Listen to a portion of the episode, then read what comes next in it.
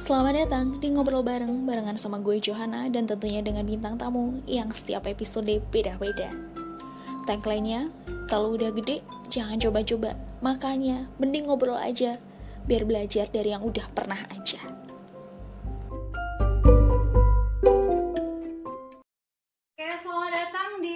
Podcast kali ini dan seperti biasa janjinya bahwa podcast ini bintang tamunya beda-beda. Hari ini Jojo nggak sendiri, hari ini Jojo sama Cielvi. Kenalan dulu Hai. Cielvi. Cielvi siapa? Siapa aku? siapa ya?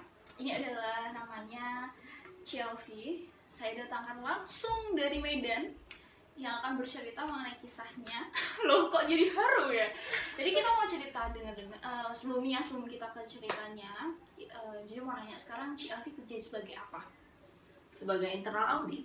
Sebagai internal audit Iya. di salah satu perusahaan di Jakarta ya. Iya, Ci? Udah berapa tahun? Kerjanya baru sih, baru mau jalan 13 tahun.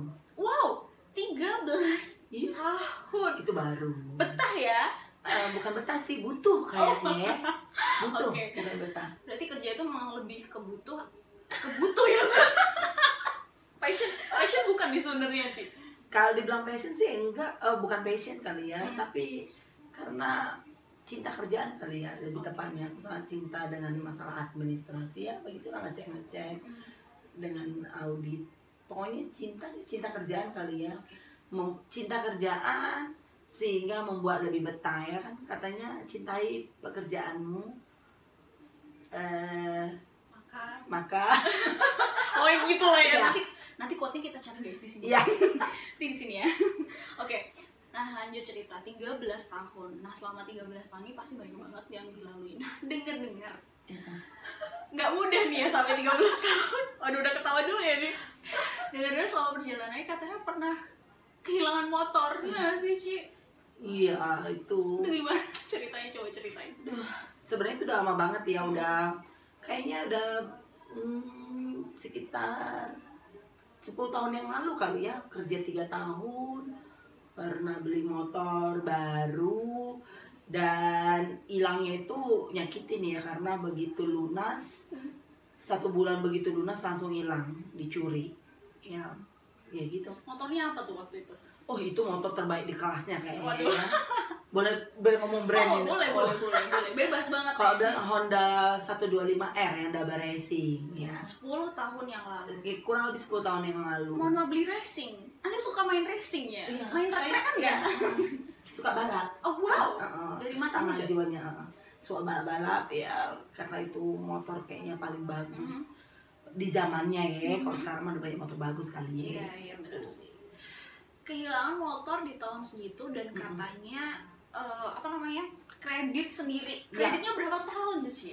Gak lama sih kreditnya memang cuma setahun cuman ya itu kan eh, benar-benar motor yang pertama kali dibeli secara eh, menggunakan uang pribadi Dari pekerjaan yang sekarang 13 Iya, tahun ini. dari pekerjaan sekarang karena waktu itu belum Wow. se, se eh, sebagus ini kali ngomongnya belum sesukses ini kali Iya, ya iya. karena eh, saat itu masih ya masih eh, staff kali ya Hmm. jadi memang pada saat itu sanggupnya masih beli motor Hmm. dan mengkredit dengan uang sendiri dan lebih yang menyakitkan adalah hilangnya itu pada saat kita lagi kerja Gimana gitu. sih ceritanya? Coba dong Oh, kronologisnya. enggak, pada saat itu sebenarnya lagi visit eh, bukan visit sih ke training ke bisnis unit yang lain Aha. jadi saya harus eh, ikutan training tapi di cabang kita yang lain padahal saya itu pak parkirnya itu benar-benar di depan pintu utama tapi di sisi sebelah kanan tapi ya itu di depan pintu utama Masih inget banget itu. Oh, ingat Kejadiannya banget dong, di- membekas mbak. Eh, di hati itu nggak bisa hilang ya. Sampai itu membekas ya. banget ya, karena itu benar-benar beli sendiri, pakai uang sendiri, Hmm. benar-benar irit supaya itu kebeli ya. Benar-benar pada saat itu memang niat memang pengen beli sepeda motor emang dari jerih payah sendiri. Ya, ya parkir itu pas di depan pintu utama itu eh, store, Hmm. Cuman agak se- se- sebelah kanan, cuma emang nggak ke cover dengan kamera Hmm. ya jadi begitu pulang dari training pagi jam 8 masuk keluar dari training jam 3 sore Hmm. begitu lihat udah nggak ada sepeda motornya Itu di mana kejadiannya? di Medan Di Medan. ya itu di Medan memang daerah situ sih eh, pada saat hilang nggak nangis emang kan ya tapi di depan orang emang nggak nangis tegar banget Coba Oh, gimana? Ibu mohon maaf nih motornya nggak oh waktu itu belum ibu Oh, belum. belum ibu Oh. Cin Mbak, mbak, mbak motornya Bukan, Mbak. ada apa? Dek Oh, dia motornya satpamnya ini. Awalnya enggak sih begitu keluar kan begitu bilang loh mana ya motornya kok nggak ada? Begitu lah. Memang banyak motor orang di situ Hmm. karena kita trainingnya ya Hmm. rame rame benar-benar rame. Mungkin ada 10 sampai 15 motor di situ. Tapi nggak tahu entah kenapa motor saya itu benar-benar diambil orang padahal sisi kiri itu banyak motor sebenarnya tapi nggak tahu ya memang udah Hmm. udah naas sih. Kalau saya bilang itu naas. Jadi begitu keluar motor saya hilang. Mana pak? Saya bilang sama securitynya. Security langsung bilang ah motor yang mana? Yang Honda ya warna hitam. Saya bilang gitu kan terus dia bilang lah nggak ada nggak tahu. Lah tadi parkir mana di sini? Ya udah mulai ribut tuh cari-cari keliling-keliling memang nggak ketemu. Dan memang eh, pada saat itu langsung ditemenin temen eh, laporan ke polisi. Betul eh, kantor polisi juga nggak begitu jauh sekitar satu kilometer dari dari itu store. Saya buat laporan memang polisinya bilang juga ya daerah situ emang rawan. Dan itu indikasinya men- mencurinya tidak dibawa lari tapi kayak ditaruh ke mobil box gitu lah Wow. karena itu rame banget. Itu jalan besar dan rame banget. Kalau orang Medan pasti tahu lah itu daerah Jalan Gajah Mada. Dan itu emang terkenal. My God, berarti emang mungkin udah jadi inceran kali. kayaknya incaran ya kalau nggak incaran kenapa mesti ikut motor saya ya? Tapi guys ya apa pun ceritanya itu memang kayaknya udah naas emang udah garisnya begitu oke, ya. oke. jadi ya berusaha untuk nggak di depan orang sih te- tegar banget ya tapi begitu pulang masuk rumah aja kok bisa motorku hilang? Terus orang tua, orang tua gimana tuh? pada saat itu saya yang pertama saya telepon itu bukan orang tua karena orang tua tahu lah ya. Di zaman 10 tahun yang lalu itu motor nggak seramai sekarang. Nggak segampang sekarang lo beli motor. Mhm. istilahnya motor itu masih ya orang anggap itu masih barang 10 tahun yang lalu tuh masih agak susah kali ya. Iya, iya, iya. kita juga beli motor tuh benar-benar uh, butuh terus nyicil. Mhm. ya saya bukan orang yang mampu jadi saya nggak bisa beli cash pada saat itu. Benar-benar saya nyicil. Yang pertama saya telepon tuh bukan orang tua. Mhm. karena saya tahu kalau ngomong orang tua pasti kok bisa pasti yang ada diomelin Oke, kan? benar. jadi saya yang pertama saya telepon tuh kakak saya kakak Mhm. saya yang perempuan. Kakak saya yang perempuan saya telepon saya bilang "E, kenapa? Dia bilang "E, kak e, motor saya hilang. Lah kok bisa? Di mana? Di depan kantor. Kok bisa? Saya juga nggak tahu. Tanya kok bisa? Ya udah terus kakak saya pada saat itu nggak nasihat saya pada saat itu belum nangis Hmm. belum nangis dia masih tegar oke. Dan terus kakak saya bilang ya udah mungkin saya ingat banget tuh pesan kakak saya dia bilang mungkin dia lebih butuh dari kamu nggak usah eh, hakimin orang yang mungkin dia lebih butuh is okay ikhlaskan. Mhm. ya nanti kalau ada rezeki kita beli lagi dia bilang. Wow, bijak Pada- oh ya. bijak banget bijak dan baik kayaknya ya. Oh iya, karena oke. yang menenangkan adalah begitu di akhir dia bilang is okay deh eh, nanti minggu depan kamu bisa beli sepeda motor lagi gitu. Wow, tapi ini terrealisasikan beli sepeda langsung iya terrealisasi langsung. Wow, jadi tapi pada saat itu setelah saya telepon kakak saya eh, 20 menit kemudian setelah saya buat laporan saya harus ngomong ke orang Hmm. tua ya tapi itu balik lagi orang tua langsung bilang ya kok bisa sih udah minta tanggung jawab belum itu gimana itu kok nggak kantor lu nggak eh, eh, kasih ini dong apa kayak Hmm. eh, cari solusi kayak itu kok bisa hilang depan kantor ya tahu lah tapi aku bilang ya udah lama aku udah buat laporan Mhm. Ya mudah-mudahan ketemu kalau nggak ketemu ya udah berarti bukan rezeki itu gitu. STNK-nya semuanya berarti masih Nah kebetulan memang itu udah naas kali ya Ya, gimana? Memang udah rencana Hmm. Saya nggak tahu entah pada saat saya paling nggak pernah naruh dompet itu dalam job Oke. Cuma karena pagi itu buru-buru mau langsung naik ke atas Saya langsung spontan aja agenda saya ambil tapi dompet saya tinggalin Dompet isinya semua yang ada Oh SIM, ada KTP, ada STNK Jadi sebenarnya itu bukan Wow. curi tapi saya ngasih ngasih motor Cuma BPKB-nya saja saya lupa ya? Iya Luar biasa nih hatinya baik sekali Baik, nih iya. ibu ya. Cuma BPKB saya nggak kasih Semuanya saya kasih termasuk STNK Berarti BPKB cuma tertinggal di rumah. Tertinggal. Itu harusnya di apa namanya dibuat perangkan Iya, gitu ya. kayaknya rencana waktu itu buat Ah, kalau nggak mau digadein. Masih bisa loh digadein BPKB ya. Oh iya benar juga ya. Iya. Tapi terus nanti pas nggak bisa bayar, lu motornya nggak ada. Ada. Oke deh, lanjut cerita. Eh, tapi sebenarnya se- aku juga penasaran sebenarnya Hmm. Ci. Emang kantor nggak ada kayak ngebantu apa? Karena itu kan kejadiannya Oke. di kantor ya. Eh, kantor sih gimana ya? Mm-mm. Dibilangkan eh, tapi ada Mm-mm.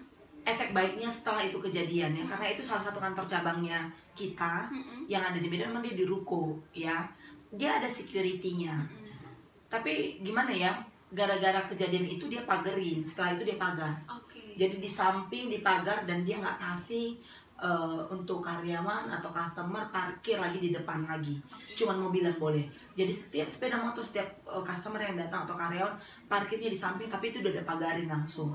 Ya nggak lama setelah itu dia pagarin terus ya memang nggak ada tanggung jawab dari company sih mau buat bantu tapi ya memang itu udah dianggap kelalaian ya balik lagi kelalaian kita. Kalau tahu kita itu eh, kendaraan ya harusnya ku- eh, double kunci ya eh, kunci eh, pakai gembok kayak atau pakai kunci jari-jari kayak gitu atau pakai kunci cakram ya ya udah dikelaskan saja pada saat itu Wow, gitu berarti Anda sebenarnya membantu orang-orang untuk dapat Iya. kenyamanan dan keamanan lebih nih. Tapi ya nggak apa-apa Oh, berarti iya. bukan rezeki Tadi katanya kakaknya CLV akhir bilang kalau ih seminggu lagi nanti beli beneran. Dan itu realisasikan dibeliin beneran itu.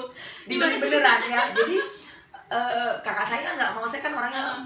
pemikir ya maksudnya Oh iya. ya ya lu bayangin deh kita kebiasaan kerja naik sepeda motor segitu jauh terus tiba-tiba seminggu nggak sampai seminggu sih berapa hari empat hari lima hari saya harus naik angkot. Itu kan sedih banget ya pada saat itu belum ada gojek ya belum ada Oke. grab ya. Oke. lu mesti naik angkot. Jadi saya pada saat itu kerja naik angkot dan itu kan emang agak sedikit iya biasa naik sepeda motor cepet bisa lele ini harus nunggu angkot panas-panasan harus jalan gitu kan. Terus kakak saya bilang ya udah ntar minggu depan kita beli. Dan memang langsung terrealisasi minggu depannya itu nggak ya seminggu deh saya langsung pas weekend datang ke showroom dengan style gembel ya pada saat itu jujur aja duitnya itu saya dapat dari orang tua dan kakak Hmm. ya jadi saya datang itu bawa cash nih berarti bawa ya, Ci, ya. cash. Dan Tapi emang be- iya belinya memang eh, stylenya style gembel. gimana Jadi tuh style gembel apa? Cuman pakai sendal swallow, Mhm. celana pendek, kaos oblong, udah datang ke eh, ke showroom ya. Cuma pada saat itu karena saya udah kecewa dengan yang namanya Honda karena pernah kehilangan dia saya nggak mau lagi beli brand yang sama. Takut coy ya. Honda, Jadi, Honda. Ya, maaf ya, saya ganti selera nih, ya. Ya udah, pada saat itu saya gantinya eh, ke Yamaha, Oke, ya. Pada itu tetangga sebelah ya. Hmm. saingannya, Iya, ya. saingan. kompetitor ya. Kompetitor, Iya. oke. Jadi saya datang ke showroom, Mm-mm. bawa uang cash, terus saya lihat ada satu sepeda motor dan itu memang benar-benar warna yang tidak pernah terpikirkan di benak saya suka warna itu, Coba apa warnanya, Bang Ci? gold. Wow. dan saya namain Goldie. Kalau dulu motornya si Black. Saya paling suka mo- motor yang netral-netral aja, ya hitam atau merah ada, tapi dominasi di sini hitam. Dinamain ya, motor-motornya. Semua motor saya namain, Oke. ya. Namanya Goldie dan warnanya warna gold dan Hmm. itu Yamaha Mio Hmm. pada saat itu saya beli. Begitu. Terus mas-masnya ngelayanin itu pada waktu itu? Pada saat itu nggak dilayanin, dikira ini mau lihat-lihat aja, ya. Yamaha. Mm-mm. Terus terus Makanya nggak boleh menilai orang dari Dari- tampilannya. pesan guys. ya saya datang memang stylenya gembel ya bersama teman saya saya bilang "Eh, saya lihat dulu saya memang ini langsung beli pada saat itu saya bilang "Eh, kebetulan itu motor itu warna mungkin pada saat itu belum biasa kali ya dan itu semuanya memang benar-benar gold Oh my. benar-benar warna gold semuanya dasarnya memang warna gold Mm. dan memang pada saat itu dia dipajang di Paling mentereng. iya di atas ya biasanya kan motor di bawah nih Iya, iya, dia kayak dipajang begitu di apa sih Oh namanya? yang di tempatnya sendiri Iya. yang bulat yang bisa nah, muter. iya, iya, bisa muter. Itu nggak bisa muter pada saat itu. Oke, oke. Tapi dia di panggung begitu dipajang sendiri warna gold. Tuh aku bilang, Mas, saya mau ini deh. Saya tanya harganya. Pertama dia kasih brosur dulu ya pegawainya. Ka- eh, sorry, pegawainya kasih brosur. Mm-mm. Terus eh, ini list harganya. Udah dia langsung tinggal. Terus saya bilang, Mas, saya mau ini. Dia bilang, oh, oh ya. eh, mau kredit berapa tahun mbak dia bilang begitu terus, Oke, "Ah, mau kredit berapa tahun "Eh, enggak saya mau bayar cash Hah? mau bayar cash yakin mbak iya saya mau bayar cash aku bilang gitu kan cuma pada saat itu kan eh, bertele-telenya adalah kalau kita beli sepeda motor baru itu kan kita harus bayar namanya biaya plat. Mm-mm. ya plat plat sementara dan itu Iya. bayar dulu waktu itu di atas lima ribu deh. Saya bilang saya nggak mau bayar saya eh, mau free. Mm-mm. dia nggak kasih. Saya bilang saya mana atasan kamu? Jadi saya di waktu itu dikasih ngomong sama supervisornya dan supervisornya ibu mau kredit berapa tahun enggak saya nggak kredit pas saya mau cash. Oh ya udah. Kalau cash nggak apa-apa dan kebutuhan. Nah satu lagi kalau mau beli sepeda motor itu akhir bulan. Kenapa? Kenapa akhir bulan? karena mereka target untuk shift. Wow, akhir bulan atau akhir tahun? akhir bulan pada saat itu karena dia harus close target di akhir bulan. Ya tips. beneran. Dia berani rugi istilahnya dia nggak dapat eh, kan kayak ada uang tunjuk. Mm-mm. tapi pada situ kayaknya saya nggak dapat uang tunjuk dan saya nggak tahu karena saya datang tapi dia memang ada kasih diskon. Ya kalau belanja cash itu kan memang diskonnya lebih kecil daripada kredit. Ya tapi dia kasih memang diskon. Saya diskonnya lupa tapi yang pas saya nggak plat karena dia mau minta bayar. Saya bilang saya nggak mau plat sebentar saya nggak mau bayar ya udah deh dia bilang ya udah kak ini karena lagi eh, kita akhir bulan aja ya udah deh jadi supervisor yang bayarin mau platnya Wow, Begitu. demi achieve itu ya. iya dan langsung pada saat itu eh, saya minta motornya dianterin ke rumah Hmm. begitu Nggak langsung dinaikin baru enggak gitu mbak ya? enggak boleh Eh, Nggak boleh kan belum ada platnya iya gitu ya. enggak belum baca telur Oh, kan ada ini dulu oh udah plastik-plastiknya iya nempel. Belum didoain dulu kan pecahin telur dulu sebelum jalan Oh tradisi. iya ya, tradisi pecahin telur biar aman-aman aja katanya Iya benar sih. jadi motor saya sama teman saya naik motor saya kasih alamat nggak lama sih dua jam eh, sepeda motornya nyampe di rumah itu pegawainya Yamaha pasti itu di prank zaman Iya. dulu ya. pastilah Anda udah ada prank ternyata ya sudah dimulai dengan Ibu Elvi. Ini ngomong-ngomong eh, jadi ngomongin tentang tradisi pecah telur itu. Itu gimana? Jangan-jangan motor yang sebelumnya juga belum dipecah telur makanya hilang ya? yang mana Yang- yang, dulu iya. yang hilang Oh. ya memang nggak pada cara pecah telur Oh. saya tahu pecah telur itu gara-gara teman saya Oh, dia bilang makanya Vi sebelum dipakai itu pecah telur dulu Oke. jadi itu kayak eh, telur bukan telur ini beneran telur beneran di tapi bukan telur Australia telur Aus ayam ayam. kampung Mm-mm. yang putih kecil Mm-mm. dipecahin tuh di bannya sebelum Oh katanya sih buat nggak percaya sih tapi ya ya Ikutin ya aja. ikutin aja lah ya atau juga itu nggak ini ini banget ya maksudnya eh, bukan berarti percaya mistis sih tapi dia bilang tradisi ya udah saya percayain dulu baru bisa pakai jalan Oke. Terus di mana goldinya itu sekarang, Ci? Goldie-nya sih udah lama banget ya jadi setelah jadi setelah Goldie itu ada lagi yang lain Lagi. ya namanya si Blade ya Apa karena itu? Motor lagi tuh, Ci. motor jadi saya trauma itu gitu ya kalau kita kan pernah hilang itu ada rasa-rasa trauma Guys, bukan cuma kehilangan mantan aja nih ternyata ya. Kehilangan motor juga oh ada jangan lebih sakit kehilangan mantan nggak sanggup makan beneran kalau motor mungkin ya sehari dua hari ya sedih ya tapi kehilangan mantan kayaknya lebih sakit kali Iya, Jo ya Tapi pernah tergantung nggak Jo mantannya. Iya, Pak. ada curhat dong Aduh, eh, kita eh, sesi curhat saya nanti-nanti aja. Kita lanjut ke yang curhat di sini. Aduh, dipancing nih. Oh, oke, Ci. Jadi, hmm, apa namanya? Nggak bisa move on ya sampai nggak bisa move on tadi terus gimana? Iya. Jadi saya trauma. Jadi setiap setahun sekali saya ganti sepeda motor. Wow, ya jadi after nih. si Goldie saya jual sama masih ya udah kayak saudara lah ya saya jual terus saya beli lagi balik lagi ke Honda ya memang gimana pun ya kalau sepeda motor ya banyak orang suka Honda dulu di zamannya ya kalau sekarang sih ya maju udah banyak ya artinya udah balance lah ya karena udah bagus juga jadi waktu itu balik lagi ke Honda Blade ya itu Honda Blade jadi Oh, namanya iya. si Blade ya dasarnya hitam tapi lace-nya warna merah dan namanya si Blade Kayaknya aku gitu. tahu motor itu. Iya, blade agak kayak racing mode racing lah. Depan belakang itu double disc juga dia eh, bannya ban racing. Gitu, lebih maco. Tapi tetap ya kerja keras. Gila sini harus dicontoh. Tapi yang blade udah beli sendiri ya. Oke. Iya, beli Jadi sendiri. dijual, Ya, ah. bisa beli lagi yang Beli baru. lagi, beli lagi yang baru yang blade dari uang penjualan Goldie, terus saya tambahin saya beli cash lagi. Wow. Gitu. ibu Jadi ini belinya juga cash. belinya cash terus ya sekarang ya. Dulu udah mampu. Jo. Udah mampu Iya. puji Tuhan. Iya. Nah sekarang katanya eh, akhirnya bisa beli mobil dari kehilangan motor akhirnya bisa beli mobil. Ya mobil itu saya udah lama ya, kurang lebih eh, Berapa tahun? tujuh tahun yang lalu kali ya, enam tahun yang lalu Berarti ya. setelah kejadian dari kehilangan motor itu berapa tahun Ci? eh kehilangan motor itu kayaknya eh eh, dua atau tiga tahun ya dua tahun. Itu oh dua atau tiga tahun karena kan habis si Goldie. habis si Black Heeh. aku beli Goldie habis Goldie aku beli si Blade ya ya Honda Blade after dari itu kayaknya tahun tiga tahun kemudian aku udah eh, bisa beli mobil. jadi aku udah nggak pakai sepeda motor. Jadi udah kurang lebih ya tujuh tahun yang lalu kali ya. Tujuh tahun enam tahun tujuh tahun yang lalu saya beli mobil. Gitu. Wow, ini adalah kesuksesan luar biasa yang patut dicontoh loh ya. ya. Karena kan nggak minta kan beli sendiri aja yang luar biasa. ya karena itu juga perminta apa ya eh, perminta bukan permintaan keperluan kali ya. Mm, mm, mm. dan memang kan semua ada masanya teman-teman ya. Ada masanya kita pakai sepeda motor ya kan harus meningkatkan ya. Ada masanya kita nggak punya apa-apa naik angkot ya naik angkot.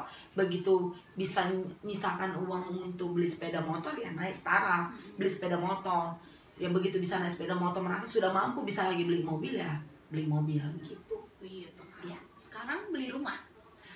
Oke, rencana ya masih list pengen beli rumah ya setelah per- eh, sudah pernah bisa beli mobil berarti eh, harus naik lagi Iya.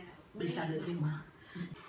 Nah, untuk yang mungkin eh, merasa orang Medan atau apa pernah melihat motornya mungkin masih ingat plat nomornya nggak sih? 198 oh saya lupa ya. Kalau Goldie saya ingat 3663 AB. Tapi Ya. kan itu nggak hilang ya Ci. Yang hilang kan yang ya, yang hilang saya udah lupa banget karena itu udah lama banget guys ya. Mm-mm. Udah lama banget jadi saya udah lupa. Untuk semuanya aja yang mungkin pernah kehilangan motor atau apa atau mungkin pernah lihat motor-motor yang hilang atau tahu penyelundupannya. Sakit sih sebenarnya karena pada saat itu langsung buat laporan cuman Iya, saya polisi juga gimana, ya saya juga nggak tahu ya kadang ya kalian tahu sendiri lah ya kalau Hmm. kepolisian itu kadang kalau ya harusnya kan kita mau lapar laporan saya ada kasih kontak saya harusnya kan sebagai kita masyarakat eh, perlu ya paling nggak feedback lah udah Hmm. sampai mana progresnya ya di telepon atau apa gitu kan saya juga pernah tanya sekali after dua minggu saya bilang udah sampai mana dia bilang belum ada perkembangan gitu ya. Saya juga nggak tahu kenapa ya kayak ada pembiaran lah ya. Harusnya kan saya kehilangan ya aparat harusnya bantu paling tidak melakukan pencarian. Kan mereka juga udah tahu titik-titik di mana itu rawan harusnya juga ya ada penjagaan dari pihak aparat. Kalau dibilang kecewa pada saat itu dengan pihak kepolisian ya saya kecewa. Karena benar-benar sama sekali nggak ada follow up sampai apa pun. sekarang. Sampai sekarang. Bahkan di bulan-bulan setelah Cici lapor itu juga nggak ada. nggak ada. Saya after dua minggu kan saya datang ini pak gimana laporannya? Emang belum ketemu gitu doang. Gitu aja terus Iya. sampai hari ini nggak ada. Iya, kalau- kalau dulu kan biasa sih kalau ada mau kita ditindaklanjuti itu kita kayak ada ya uang capek lah ya gitu lah ngomongnya kita kasih ke orang ya intelnya mungkin atau ya kayak uang dia capek dia harus cari gitu. Tapi emang saya nggak lakuin karena buat apa ya?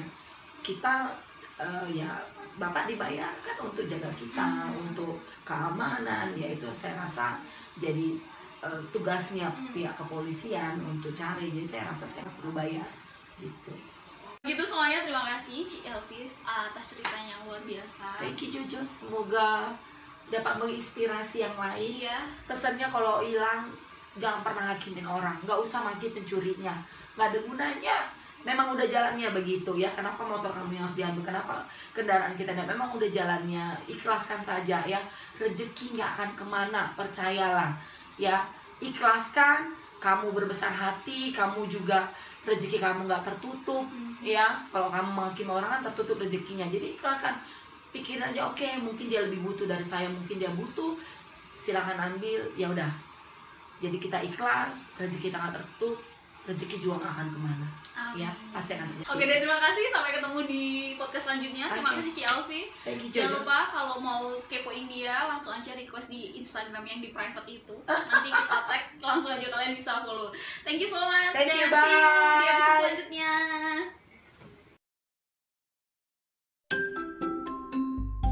Selamat datang di Ngobrol Bareng barengan sama gue Johanna dan tentunya dengan bintang tamu yang setiap episode beda-beda.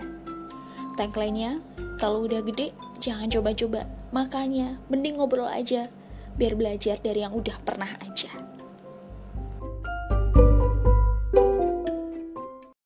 Oke, selamat datang di podcast kali ini dan seperti biasa janjinya bahwa podcast ini bintang tamunya beda-beda. Hari ini Jojo nggak sendirian, hari ini jadi sama Ci Elvi.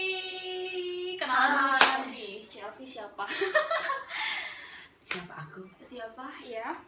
Ini adalah namanya Ci Elvi. Saya datangkan langsung dari Medan yang akan bercerita mengenai kisahnya. Loh, kok jadi haru ya? Jadi kita mau cerita dengan dengan eh, sebelumnya sebelum kita ke ceritanya, eh, jadi mau nanya sekarang Ci Elvi kerja sebagai apa? sebagai internal audit Sebagai internal audit Iya. di salah satu perusahaan di Jakarta ya. Ci? iya. Udah berapa tahun? kerjanya baru sih baru mau jalan 13 tahun Wow, 13 Iya. tahun. itu baru Betah ya? eh, bukan betah sih butuh kayaknya ya butuh Oke. bukan betah berarti kerja itu memang lebih kebutuh kebutuh ya passion passion bukan di sebenarnya sih kalau dibilang passion sih enggak eh, bukan passion kali ya Hmm. tapi karena cinta kerjaan kali ya lebih tepatnya aku sangat cinta dengan masalah administrasi ya begitu lah ngecek ngecek dengan audit pokoknya cinta cinta kerjaan kali ya. Cinta kerjaan sehingga membuat lebih betah ya kan katanya cintai pekerjaanmu. Eh maka maka oh yang gitu lah ya. Ya. nanti nanti quote-nya kita cari guys di sini. Ya Nanti di sini ya. Oke. Nah lanjut cerita. 13 tahun. Nah selama 13 tahun ini pasti banyak banget yang dilalui nah denger dengar nggak mudah nih ya sampai 13 tahun. Waduh udah ketawa dulu ya nih. Dengar selama perjalanannya katanya pernah kehilangan motor. Ya sih Ci?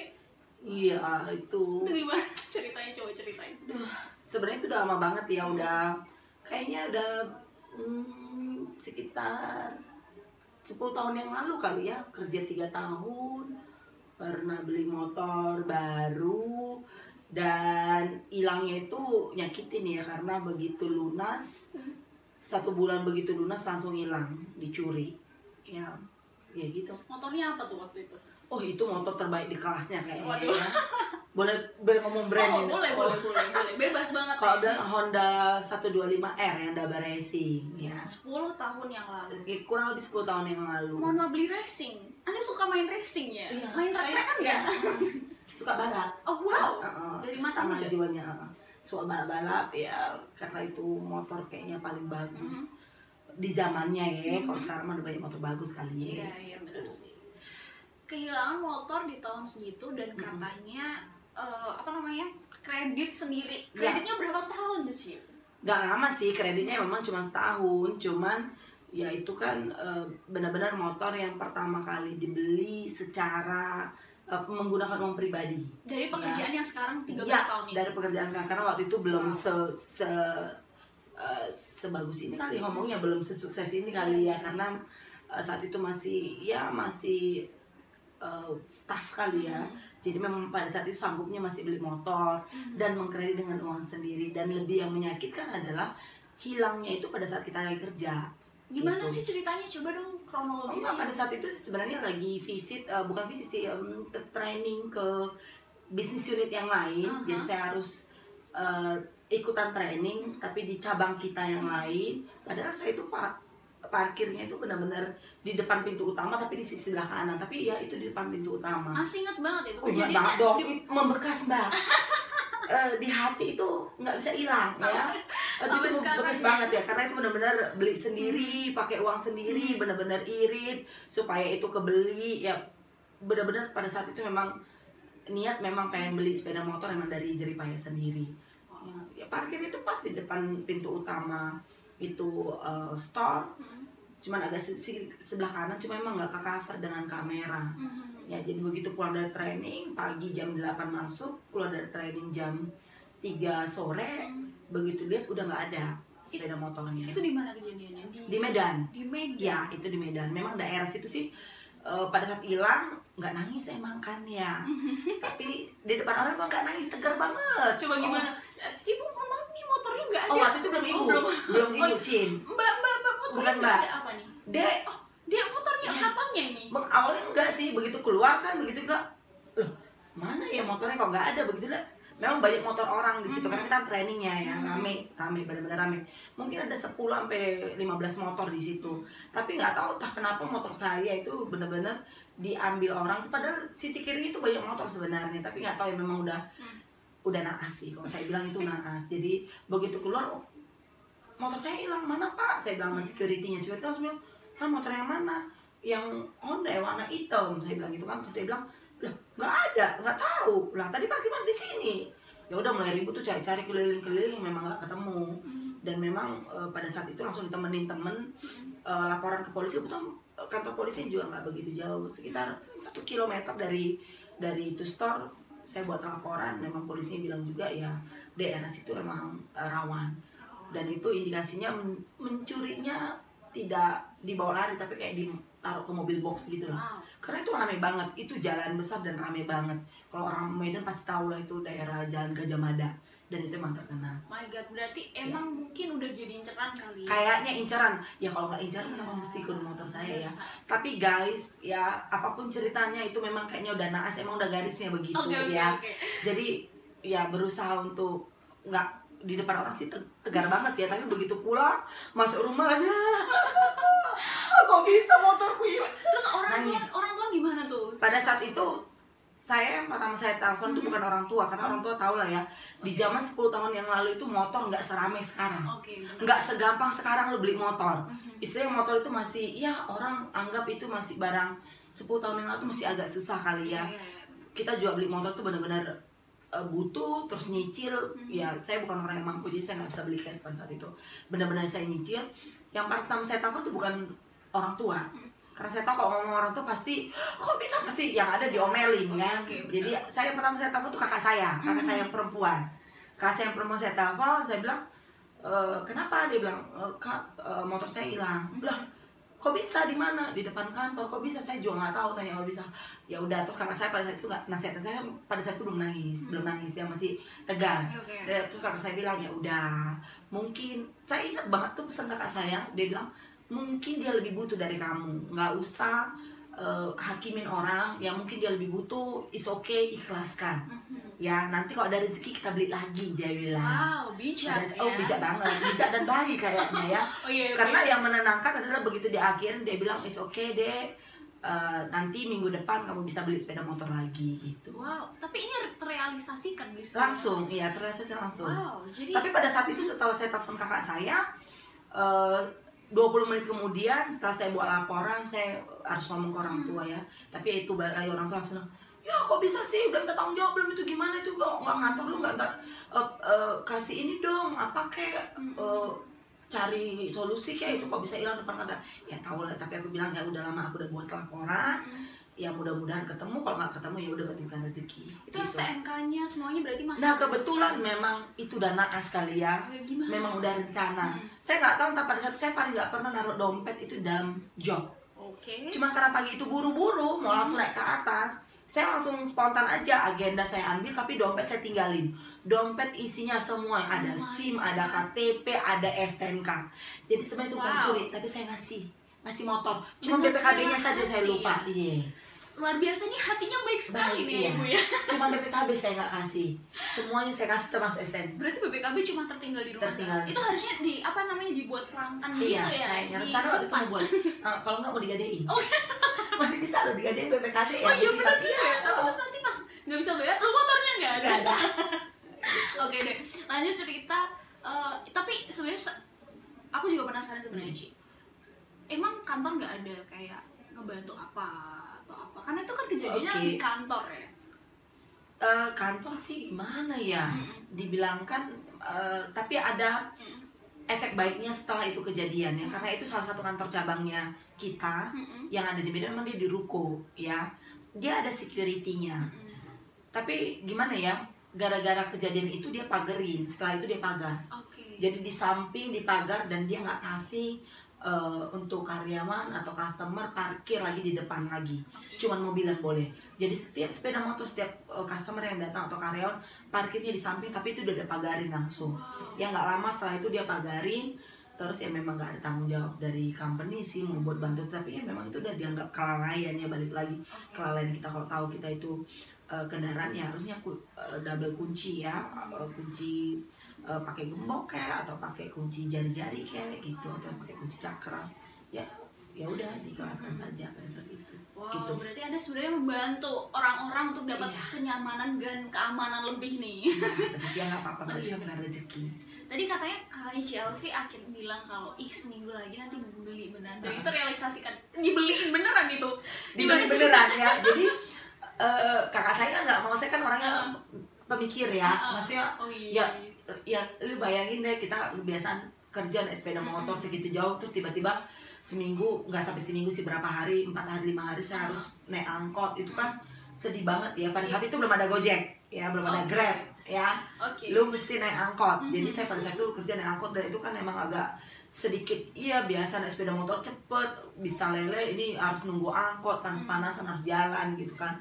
Terus kakak saya bilang ya udah ntar minggu depan kita beli. Dan memang langsung terrealisasi minggu depannya itu nggak ya seminggu deh saya langsung pas weekend datang ke showroom dengan style gembel ya pada saat itu jujur aja duitnya itu saya dapat dari orang tua dan kakak Hmm. ya jadi saya datang itu bawa cash nih berarti bawa ya, Ci, ya. cash Dan tapi emang be- iya belinya memang eh, stylenya style gembel gimana Jadi tuh style gembel apa Cuman pakai sendal swallow Mhm. celana pendek kaos oblong udah datang ke eh, ke showroom ya cuma pada saat itu karena saya udah kecewa dengan yang namanya Honda karena pernah kehilangan dia saya nggak mau lagi beli brand yang sama takut coy ya Honda, Jadi, Honda. ya maaf ya saya ganti selera nih ya ya udah pada saat itu saya gantinya eh, ke Yamaha Oke, ya tetangga sebelah ya. Hmm.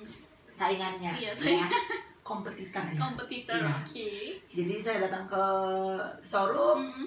bawa uang cash terus saya lihat ada satu sepeda motor dan itu memang benar-benar warna yang tidak pernah terpikirkan di benak saya suka warna itu Coba apa warnanya Bang Ci? gold Wow. dan saya namain Goldie kalau dulu motornya si Black saya paling suka mo- motor yang netral aja ya hitam atau Hmm. merah ada tapi dominasi di sini hitam Dinamain ya motor-motornya. semua ya? motor saya namain Oke. ya namanya Goldie dan warnanya warna gold dan Hmm. itu Yamaha Mio Hmm. pada saat itu saya beli begitu Terus mas-masnya ngelayanin itu pada waktu itu. pada saat itu nggak dilayanin dikira ini mau lihat-lihat aja Hmm, ya. Mm-mm. Terus terus makanya nggak boleh menilai orang dari Dari- tampilannya pesan guys. ya saya datang memang stylenya gembel Mm-hmm. ya bersama teman saya saya bilang "Eh, saya lihat dulu saya memang ini langsung beli pada saat Mm. itu saya bilang "Eh, kebetulan itu motor itu warna mungkin pada saat itu belum biasa kali ya Mm-mm. dan itu semuanya memang benar-benar gold Oh my. benar-benar warna gold semuanya dasarnya memang warna gold Mm. dan memang pada saat itu dia dipajang di Paling mentereng. iya di atas ya biasa kan motor di bawah nih Iya, iya, iya. dia kayak dipajang begitu di apa sih Oh yang namanya? di tempatnya sendiri Iya. yang bulat yang bisa nah muter. iya yang bisa muter itu nggak bisa muter pada saat itu oke. tapi dia di panggung begitu dipajang sendiri warna gold tuh aku bilang mas saya mau ini deh saya tanya harganya. Pertama dia kasih brosur dulu ya Hmm. pegawainya. Ka- eh, sorry pegawainya kasih brosur. Mm-mm. terus eh, ini list harganya udah dia langsung tinggal. Terus saya bilang mas saya mau ini. Dia bilang oh oh ya eh, mau kredit berapa tahun mbak? Dia bilang begitu. Terus, Oke, eh, mau kredit berapa tahun? "Eh, enggak saya mau bayar cash hah? Mau bayar cash yakin mbak? Iya saya mau bayar cash aku bilang gitu kan. Cuma pada saat itu kan eh, bertele-telenya adalah kalau kita beli sepeda motor baru itu kan kita Mm-mm. harus bayar namanya biaya plat Mm-mm. ya plat plat sementara dan itu Iya. bayar dulu waktu itu di atas lima ribu deh Mm-mm. saya bilang saya nggak mau bayar saya eh, mau free Mm-mm. dia nggak kasih saya bilang saya mana atasan kamu jadi saya di waktu itu dikasih ngomong sama supervisor dan supervisornya ibu mau kredit berapa tahun enggak saya nggak kredit pas saya mau cash oh ya udah kalau cash nggak apa-apa dan kebutuhan nah satu lagi kalau mau beli sepeda motor itu akhir bulan Kenapa? Kenapa akhir bulan? karena mereka target untuk shift. Wow, akhir bulan atau akhir tahun? akhir bulan pada saat itu. Karena dia harus close target di akhir bulan. Ya tips. beneran. Dia berani rugi. Istilahnya dia nggak dapat eh, kan kayak ada uang tunjuk. Tapi pada situ kayaknya saya nggak dapat uang tunjuk dan saya nggak tahu karena saya datang tapi dia memang ada kasih diskon.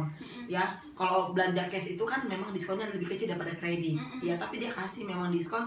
Saya diskonnya lupa. Tapi yang pas saya nggak plat karena dia mau minta bayar. Saya bilang saya nggak mau plat sebentar saya nggak mau bayar ya udah deh dia bilang. Ya udah kak ini karena lagi eh, kita akhir bulan aja ya udah deh. Jadi supervisor yang bayarin platnya Wow, Begitu. demi achieve itu ya. iya dan langsung pada saat itu eh, saya minta motornya dianterin ke rumah. Hmm. begitu. Nggak langsung dinaikin baru enggak gitu mbak ya? enggak boleh. Eh, Nggak boleh kan belum ada platnya iya gitu ya. enggak belum pecah telur. Oh, kan ada ini dulu. Oh udah plastik-plastiknya. Iya. Nempel.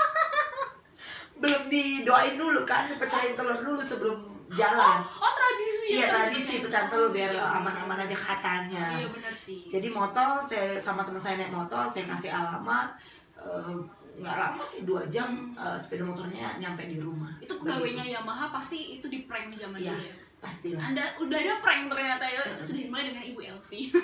Ini ngomong-ngomong Ci, eh, jadi ngomongin tentang tradisi pecah telur itu. Itu gimana? Jangan-jangan motor yang sebelumnya juga belum dipecah telur makanya hilang ya? yang mana? Yang, Yang- dulu, iya. yang hilang. Ya memang nggak pada cara pecah telur. Oh. Saya tahu pecah telur itu gara-gara teman saya. Oh. Dia bilang makanya Vi sebelum dipakai itu pecah telur dulu. Oke. Jadi itu kayak eh, telur bukan telur Ini beneran telur beneran, di tapi bukan telur Australia, telur Oh, ayam ayam. kampung Mm-mm. yang putih kecil. Mm-mm. Dipecahin tuh di bannya sebelum. Oh my god. Katanya sih buat nggak percaya sih tapi ya ya Ikutin ya aja. ikutin aja lah ya. Atau juga itu nggak ini ini banget ya maksudnya Mm-mm. eh, bukan berarti percaya mistis sih tapi dia bilang tradisi ya udah saya percayain dulu baru bisa pakai jalan. Oke. Terus di mana goldinya itu sekarang, Ci? Goldingnya sih udah lama banget ya jadi setelah jadi setelah gold itu ada lagi yang lain ya namanya si blade ya Apa karena itu? Motor lagi tuh, Ci? motor jadi saya trauma itu gitu ya kalau kita kan pernah kehilangan itu ada rasa-rasa trauma Guys, bukan cuma kehilangan mantan aja ini ternyata ya. Kehilangan motor juga oh ada jangan lebih sakit kehilangan mantan nggak sanggup makan beneran kalau motor mungkin ya sehari dua hari ya sedih ya tapi kehilangan mantan kayaknya lebih sakit kali Jo ya Tapi pernah nggak Jo. Iya, Pak. ada curhat dong Aduh, eh, kita eh, sesi curhat saya nanti nanti aja. Kita lanjut ke yang curhat di sini. Aduh, dipancing nih. Oh, oke Ci. Jadi, hmm, apa namanya? Nggak bisa move on ya sampai nggak bisa move on tadi terus gimana? Iya. Jadi saya trauma. Jadi setiap setahun sekali saya ganti sepeda motor. Wow. ya jadi after nih. si Goldie saya jual sama masih ya udah kayak saudara lah ya saya jual terus saya beli lagi balik lagi ke Honda ya memang gimana pun ya kalau sepeda motor ya banyak orang suka Honda dulu di zamannya ya kalau sekarang sih ya maju udah banyak ya artinya udah balance lah ya karena udah bagus juga jadi waktu itu balik lagi ke Honda Blade ya itu Honda Blade jadi Oh, namanya iya. si Blade ya dasarnya hitam tapi lace-nya warna merah dan namanya si Blade Kayaknya aku gitu. tahu motor itu. Iya, blade agak kayak racing mode racing lah. Depan belakang itu double disc juga, dia eh, bannya ban racing. Gitu, lebih maco. Tapi tetap ya kerja keras. Iya. Kilasinnya harus dicontoh. Tapi yang blade udah beli sendiri ya. Oke. Iya, beli Jadi itu dijual, Ya, ah. bisa beli lagi yang Beli baru. lagi, beli lagi yang baru yang blade dari uang penjualan Goldie, terus saya tambahin saya beli cash lagi. Wow. Gitu. ibu Jadi belinya juga cash. belinya cash terus ya sekarang ya. Dulu udah mampu juga. Udah mampu Iya. puji Tuhan. Iya. Nah sekarang katanya eh, akhirnya bisa beli mobil dari kehilangan motor akhirnya bisa beli mobil. Ya mobil itu saya udah lama ya, kurang lebih eh, Berapa tahun tujuh tahun yang lalu kali ya, enam tahun yang lalu Berarti ya. setelah kejadian dari kehilangan motor itu berapa tahun tuh Eh kehilangan motor itu kayaknya eh eh, dua atau tiga tahun ya dua tahun oh bisa dua atau tiga tahun karena kan habis si habis si Black Ah, aku beli Goldie habis Goldie aku beli si Blade ah. ya ya Honda Blade. After dari itu kayaknya tahun tiga tahun kemudian aku udah eh, bisa beli mobil. Jadi aku udah nggak pakai sepeda motor. Jadi udah kurang lebih ya tujuh tahun yang lalu kali ya. Tujuh tahun enam tahun tujuh tahun yang lalu saya beli mobil gitu Wow, ini adalah kesuksesan luar biasa yang patut dicontoh loh ya. ya Karena kan nggak minta kan beli sendiri ya Ci yang luar biasa. ya karena itu juga perminta apa ya eh, perminta bukan permintaan keperluan kali ya Mm-mm. dan memang kan semua ada masanya teman-teman ya. Ada masanya kita pakai sepeda motor ya kan harus meningkatkan ya. Ada masanya kita nggak punya apa-apa naik angkot ya naik angkot. Begitu bisa misalkan uang untuk beli sepeda motor ya naik setara beli sepeda motor.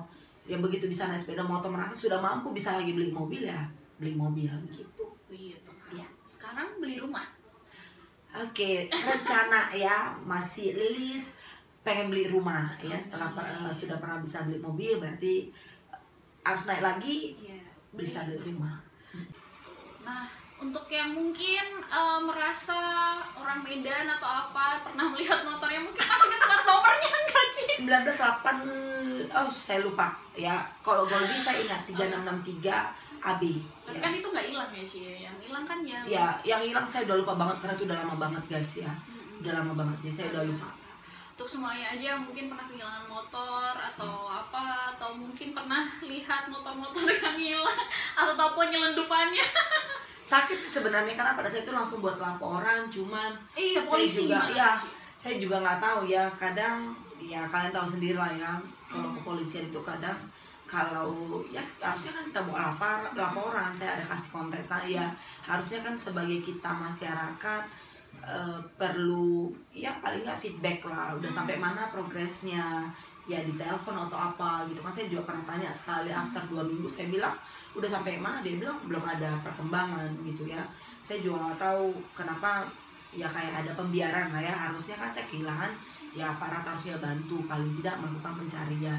Kan mereka juga udah tahu titik-titik di mana itu rawan harusnya juga ya ada penjagaan dari pihak aparat kalau dibilang kecewa pada saat itu dengan pihak kepolisian ya saya kecewa.